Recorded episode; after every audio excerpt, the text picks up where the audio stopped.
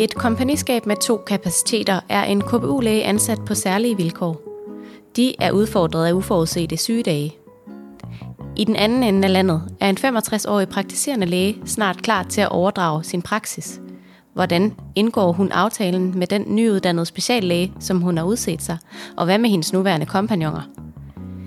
Dette er blot nogle af de dilemmaer, som Praktikus podcast har indsamlet fra kollegaer landet over.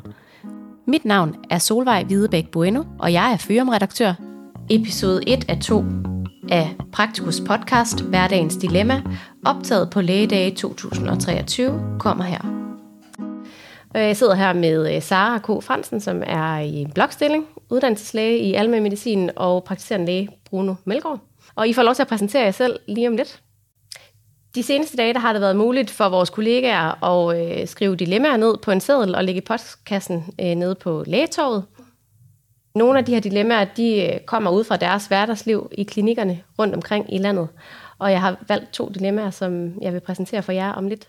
Mm, spændende. Bruno, vil du ikke starte med at øh, sige lidt om, hvem er du? Hvor har du praksis henne? Jo, jeg er praktiserende læge i Odder, syd for Aarhus, i en uh, otte-mands uh, samarbejdspraksis. Jeg, det vil sige, jeg har en solopraksis i en stor praksis. Som del af en stor praksis, der har jeg været i 25 år. Uh, Udover det, så har jeg været fagpolitisk aktiv i PLO siden uh, 2005, og er det fortsat, og lige nu er jeg med i PLO's centrale bestyrelse og forhandlingsudvalg. Tak. Og Sara? Mm. Jamen, jeg er, som du sagde, i hoveduddannelse øh, ved at specialisere mig som almindelig mediciner, og det er jeg her i hovedstaden.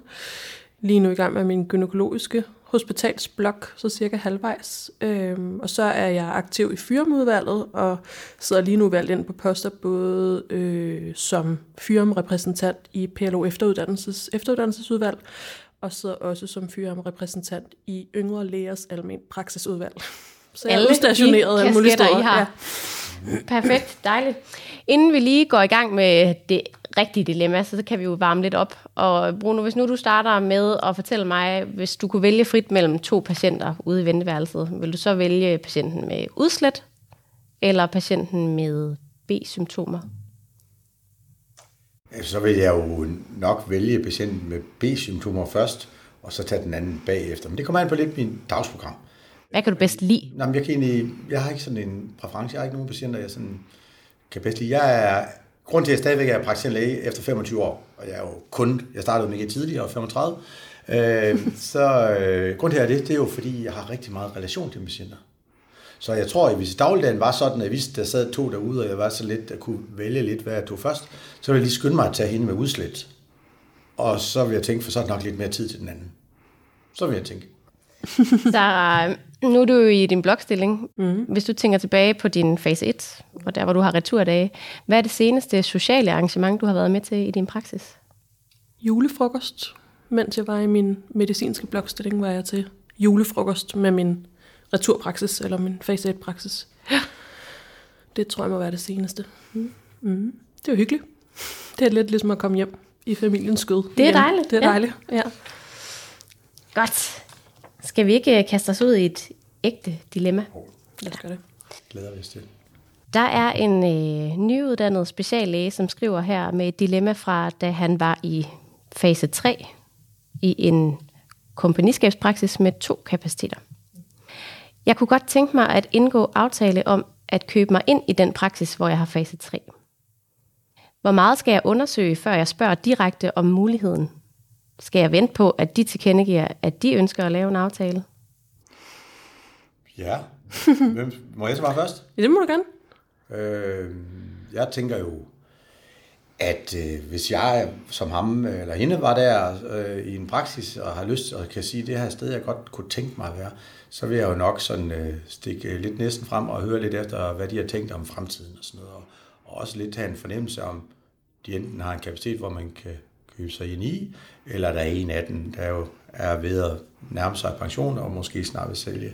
Mm-hmm. Jeg tænker, det er ganske ufarligt at spørge lidt ind til, hvordan de tænker om deres praksisliv. Øh, bare sådan til almindelig socialt samvær i pauser. Øh, og hvis man så kan se, at der er noget af det, og man også synes, man egentlig har det godt der, det er jo nok der, for at han eller hun øh, tænker, at det, så vil jeg jo nok, som vi oplever det i vores praksis, at øh, så er der nogen, der nogle gange har oplevet, at så kommer de og spørger, øh, lukker lige døren, jeg har lige noget, jeg godt kunne tænke mig at spørge dig om. Og så gå ind og spørge, hvad tænker I om det, og hvad tænker du om overhovedet, hvis det er en, der skal sælge, og overhovedet er klar til det. For det kan være svært, det er jo ikke altid alderen afklare det. Mm. Men, øh, men også selvfølgelig, så får man også en fornemmelse af, hvad de tænker om samarbejde. Ja, jeg tænker helt sikkert også, at man ret relativt hurtigt kan begynde at gøre sine hoser lidt grønne, altså at finde ud af, ved, ved, ved det her kompagniskab, ved de en, synes de, man er en god samarbejdspartner, og kunne de forestille sig et eventuelt samarbejde, og netop også det der med at prøve lige at undersøge, jamen, er der overhovedet en åbning her? Altså er der en mulighed? Ser de en mulighed?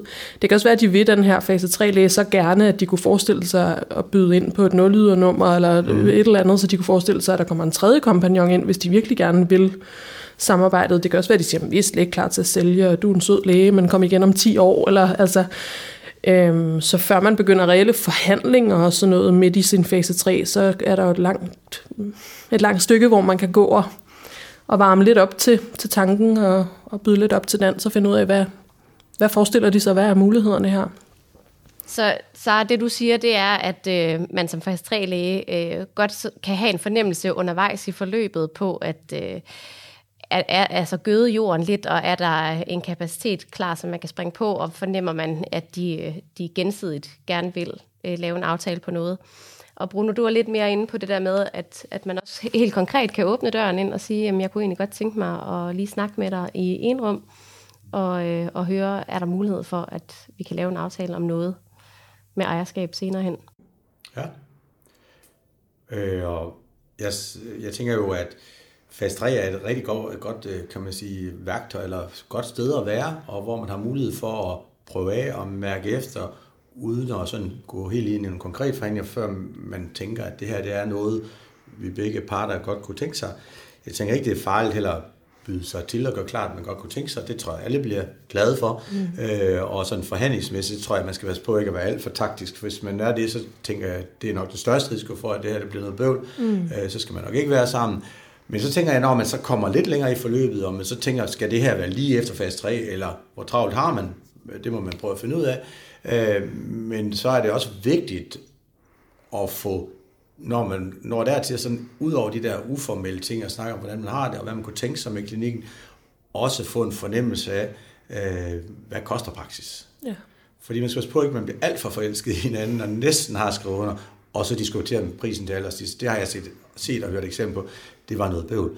Så få snakket om det og sige, hvis, hvis I tænker, I skal, jeg kan købe den her, hvad er så tanken, hvad er prisen? Mm. Øh, og så kan man, det har man nogle rådgiver og får hjælp fra dem til at komme videre i forløbet. Og det kunne jeg fornemme, det er måske også en del af det, som den her øh, læge lidt er inde på, det der med, hvor meget kan jeg øh, altså, lægge energi i at drømme om, at det er det her sted, og engagere sig, før at, at nogle af de der ting måske er blevet undersøgt, har jeg overhovedet råd, og hvad er, det, er det overhovedet en mulighed, at jeg kan lave de her drømme?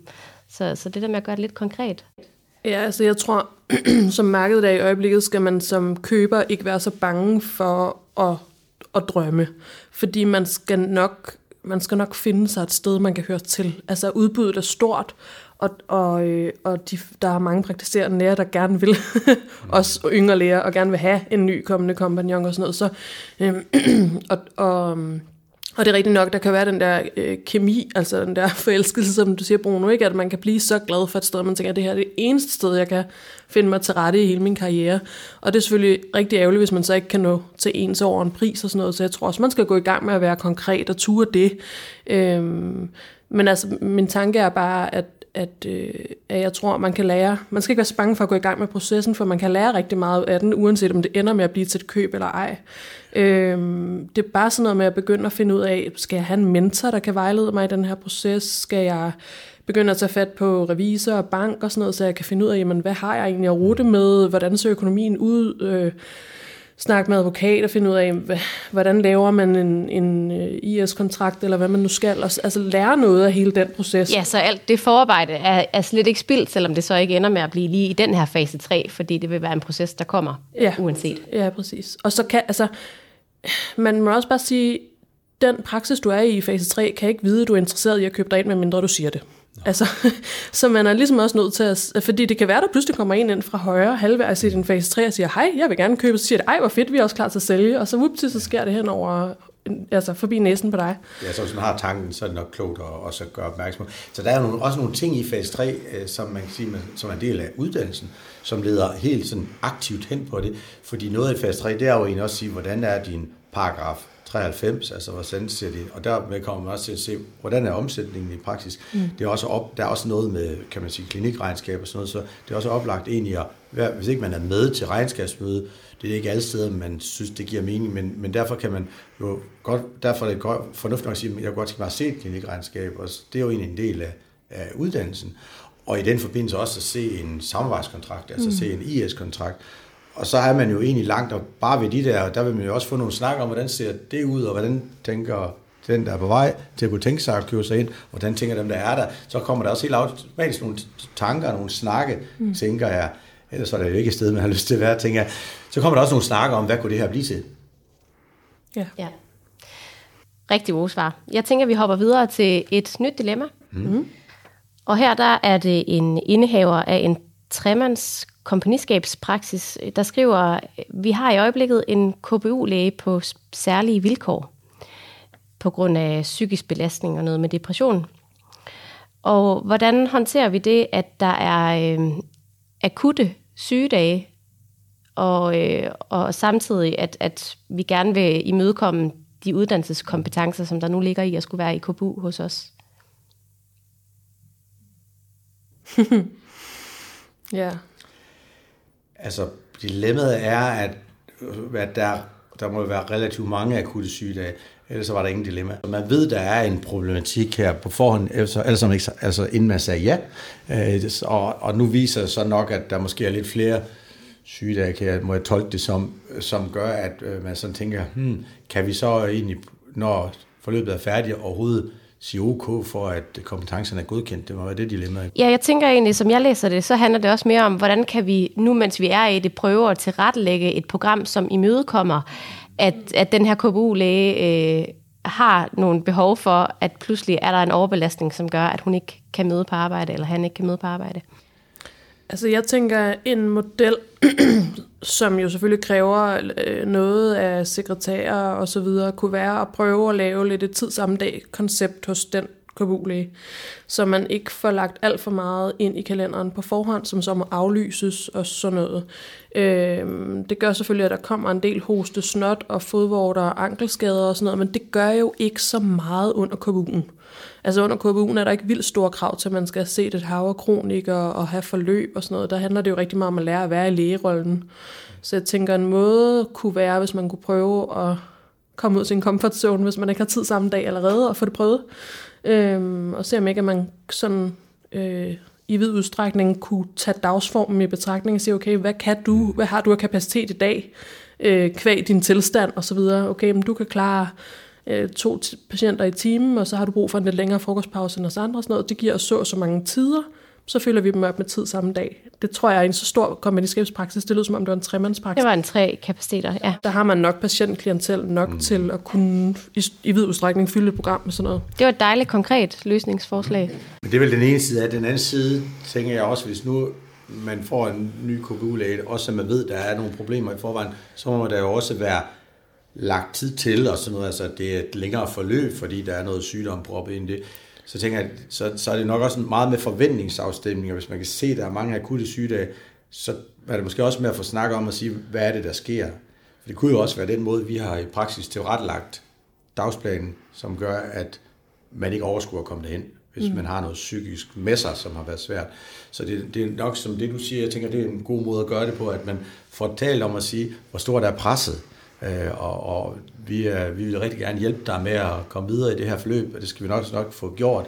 Men lad os lave et program, vi er helt sikre på, at du kan eksistere i, og så kan vi jo altid øh, putte flere patienter på hen ad vejen, mm. når vi ser, at det fungerer. Det tror jeg kunne være en af, en af de ting, man nok skal have rigtig meget fokus på for at forebygge de der sygedage, frem for at sige, at vi tænker, at du nu kun kommer, når du kommer, så vi laver bare program efter, for det, det, det, det, jeg synes, det er fint at gøre det på den måde, men det, det vil nok også være godt, at man sådan, også på sigt som læge, får det, får det gjort, og får den unge KBU-læge til også at, at kunne være i og vide, at det bliver regnet med en. Mm. Så hvad kunne det være helt konkret? Kunne det være at lægge nogle, øh, nogle blokke ind, som ikke er booket?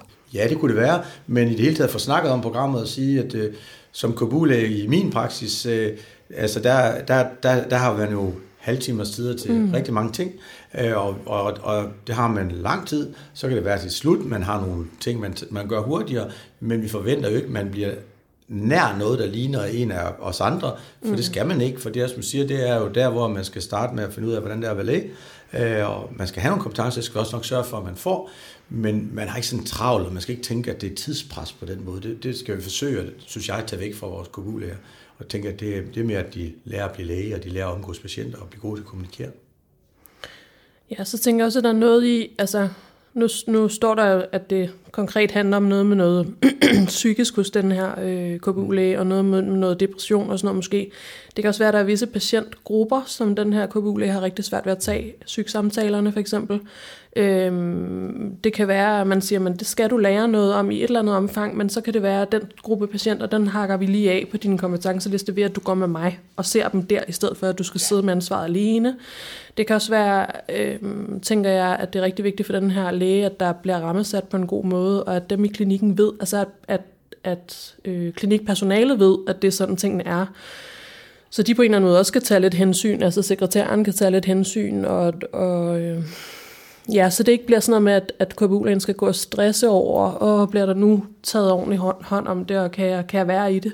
Ja, og heller ikke skal gå rundt i dårlig samvittighed over, at det ikke er ham, der tager de der ekstra mm. patienter, der kommer ind, for det er selvfølgelig ikke der, de skal ind. Øh, vi ved alle sammen i praksis, sådan efter nogle år, at øh, det, de, dem sekretærerne bliver rigtig glade for, det er dem, der bare tager fra. Ja. Øh, men der er man bare nødt til at netop at snakke med og sige, at det er ikke fordi, han ikke vil, det er bare fordi, så har vi ham ikke i morgen, og, og derfor vil vi gerne gøre det, sådan det fungerer. Mm. Og det tror jeg godt, man kan få meldt ud på en ordentlig måde, uden det giver problemer. Ja. Øh. Og det kunne måske også være med til at løse, øh, fordi det kunne også være, at man som øh, indehaver af den her praksis er ked af de dage, hvor at programmet ender med at blive aflyst, fordi man også har et ansvar over for den patientpopulation. Ja. Og, øh, og det er også ærgerligt at have for mange aflysninger, og patienterne tænker, oplever jeg, det som... Derfor tænker jeg også, Saras forslag, det kunne jo være, det der, man starter. Og så siger man, men det er også et spørgsmål, om vi får dig vendet til at, at få det her til at fungere, og ja. du bliver tryg ved, ved vores praksis at arbejde i. For målet skal jo være, at, at man kommer, øh, kan man sige, stort set hver dag. Ja. Øh, det er jo den forventning, vi har til hinanden, og det, det tænker jeg også, målet, målet skal være her. Det skal ikke være et, et, bare et langt forløb, hvor vi siger, at vi ikke regner med for. Det, det tror jeg ikke på er mm. godt. Det bliver heller ikke godt i, på sigt. Men derfor kan man jo godt tage nogle hensyn og hjælpe og støtte i at komme videre derfra. Jeg tror også noget af det, jeg hæfter med, hvad du har snakket lidt om, Bruno, det, men det, det er også det der med, det ligger næsten, øh, vi forventer næsten, at der må fra start ligge en aftale med videreuddannelsessekretariat ja, om, at det bliver en forlænget stilling, det her. Men det er jo ikke givet. Det kan godt være, at det her psykiske problem er opstået lige til start i praksis, eller at KBU-lægen ikke har fået været ordentligt opmærksom mm. på det. Eller, så jeg tror, en, rigtig meget, man kan gøre som, som uh, tutor og leder og supervisor af den her unge læge i den her situation, er også at sige, lad os lige sammen sætte os ned og sikre, at sikkerhedsnettet omkring der er der. Lad os lige sikre, at vi har talt ordentligt med videreuddannelsessekretariatet om, hvor lang skal din stilling være, hvad gør vi, hvis du skal forlænges, mm. så, der, så det ikke er sådan en, der kommer to måneder eller halvanden måned før slut, altså for resten, du skal også forlænge, så være med dine kompetencer og sådan noget, men når man har taget det up front, så tror jeg, at man som, som øh, deltidssygemeldt øh, KBU-læge føler sig meget mere tryg, og også ja. bedre føler, at man kan tage fra at være i det. Lige præcis. Tusind tak. Jeg stopper og slukker her, fordi jeg kan fornemme, at vi kan jo blive ved med at sidde og snakke, og vi har allerede brugt uh, god tid. Yeah. Tak for nogle rigtig gode svar. Og vi skal jo videre, som Og I skal jo videre til lægedag. Hvad skal, hvad skal du ind og, oh, ja, skal jeg, høre noget? Jeg har jo min fri eftermiddag i dag, det, derfor, så der skal jeg selv på kurs. Det har jo ikke været de andre dage. Og jeg skal til noget så kedeligt, det, det står her, og jeg har hørt om B12-vitamin. Ja, sådan. Ja, og det er fordi, at B12-vitaminet i praksis jeg tror, vi behandler det lidt smule lemfældigt, og så i Region Midt har man faktisk lavet sådan en, øh, der har man lavet sådan en, en klyngepakke om det. Og da jeg var inde og læste den, fordi jeg jo sådan blandt andet ser nogle ting, sådan før de kommer ud, og så tænkte jeg, skulle ikke sådan, vi gøre, hvorfor det er? Så har Lone haft klyngepakken i sin praksis, og så da hun havde været den, så stillede jeg jo 17 spørgsmål. Hvorfor gjorde de det, og hvorfor sagde de det? Og det kunne hun ikke svare på. Så må du så selv jeg simpelthen nødt til at gå ind og høre på Eva Nexø, som jo er tidligere professor i klinisk biokemi som har styr på. Still going strong. Still going strong, ja.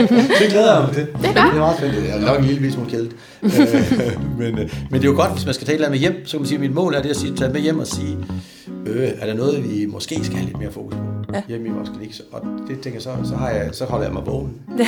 af de her timer, og jeg har den plan fra starten. Og så er vi to, vi skal jo til Fyre med udvalgsmøde senere. ja. Så Det er Så der det. ses vi. Ja. det. Tusind tak. Lyt med videre her i episode 2 af 2 af Hverdagens Dilemma, hvor de to praktiserende læger Trine Jeppesen og Lars Bjerg er i monopolet på lægedage 2023.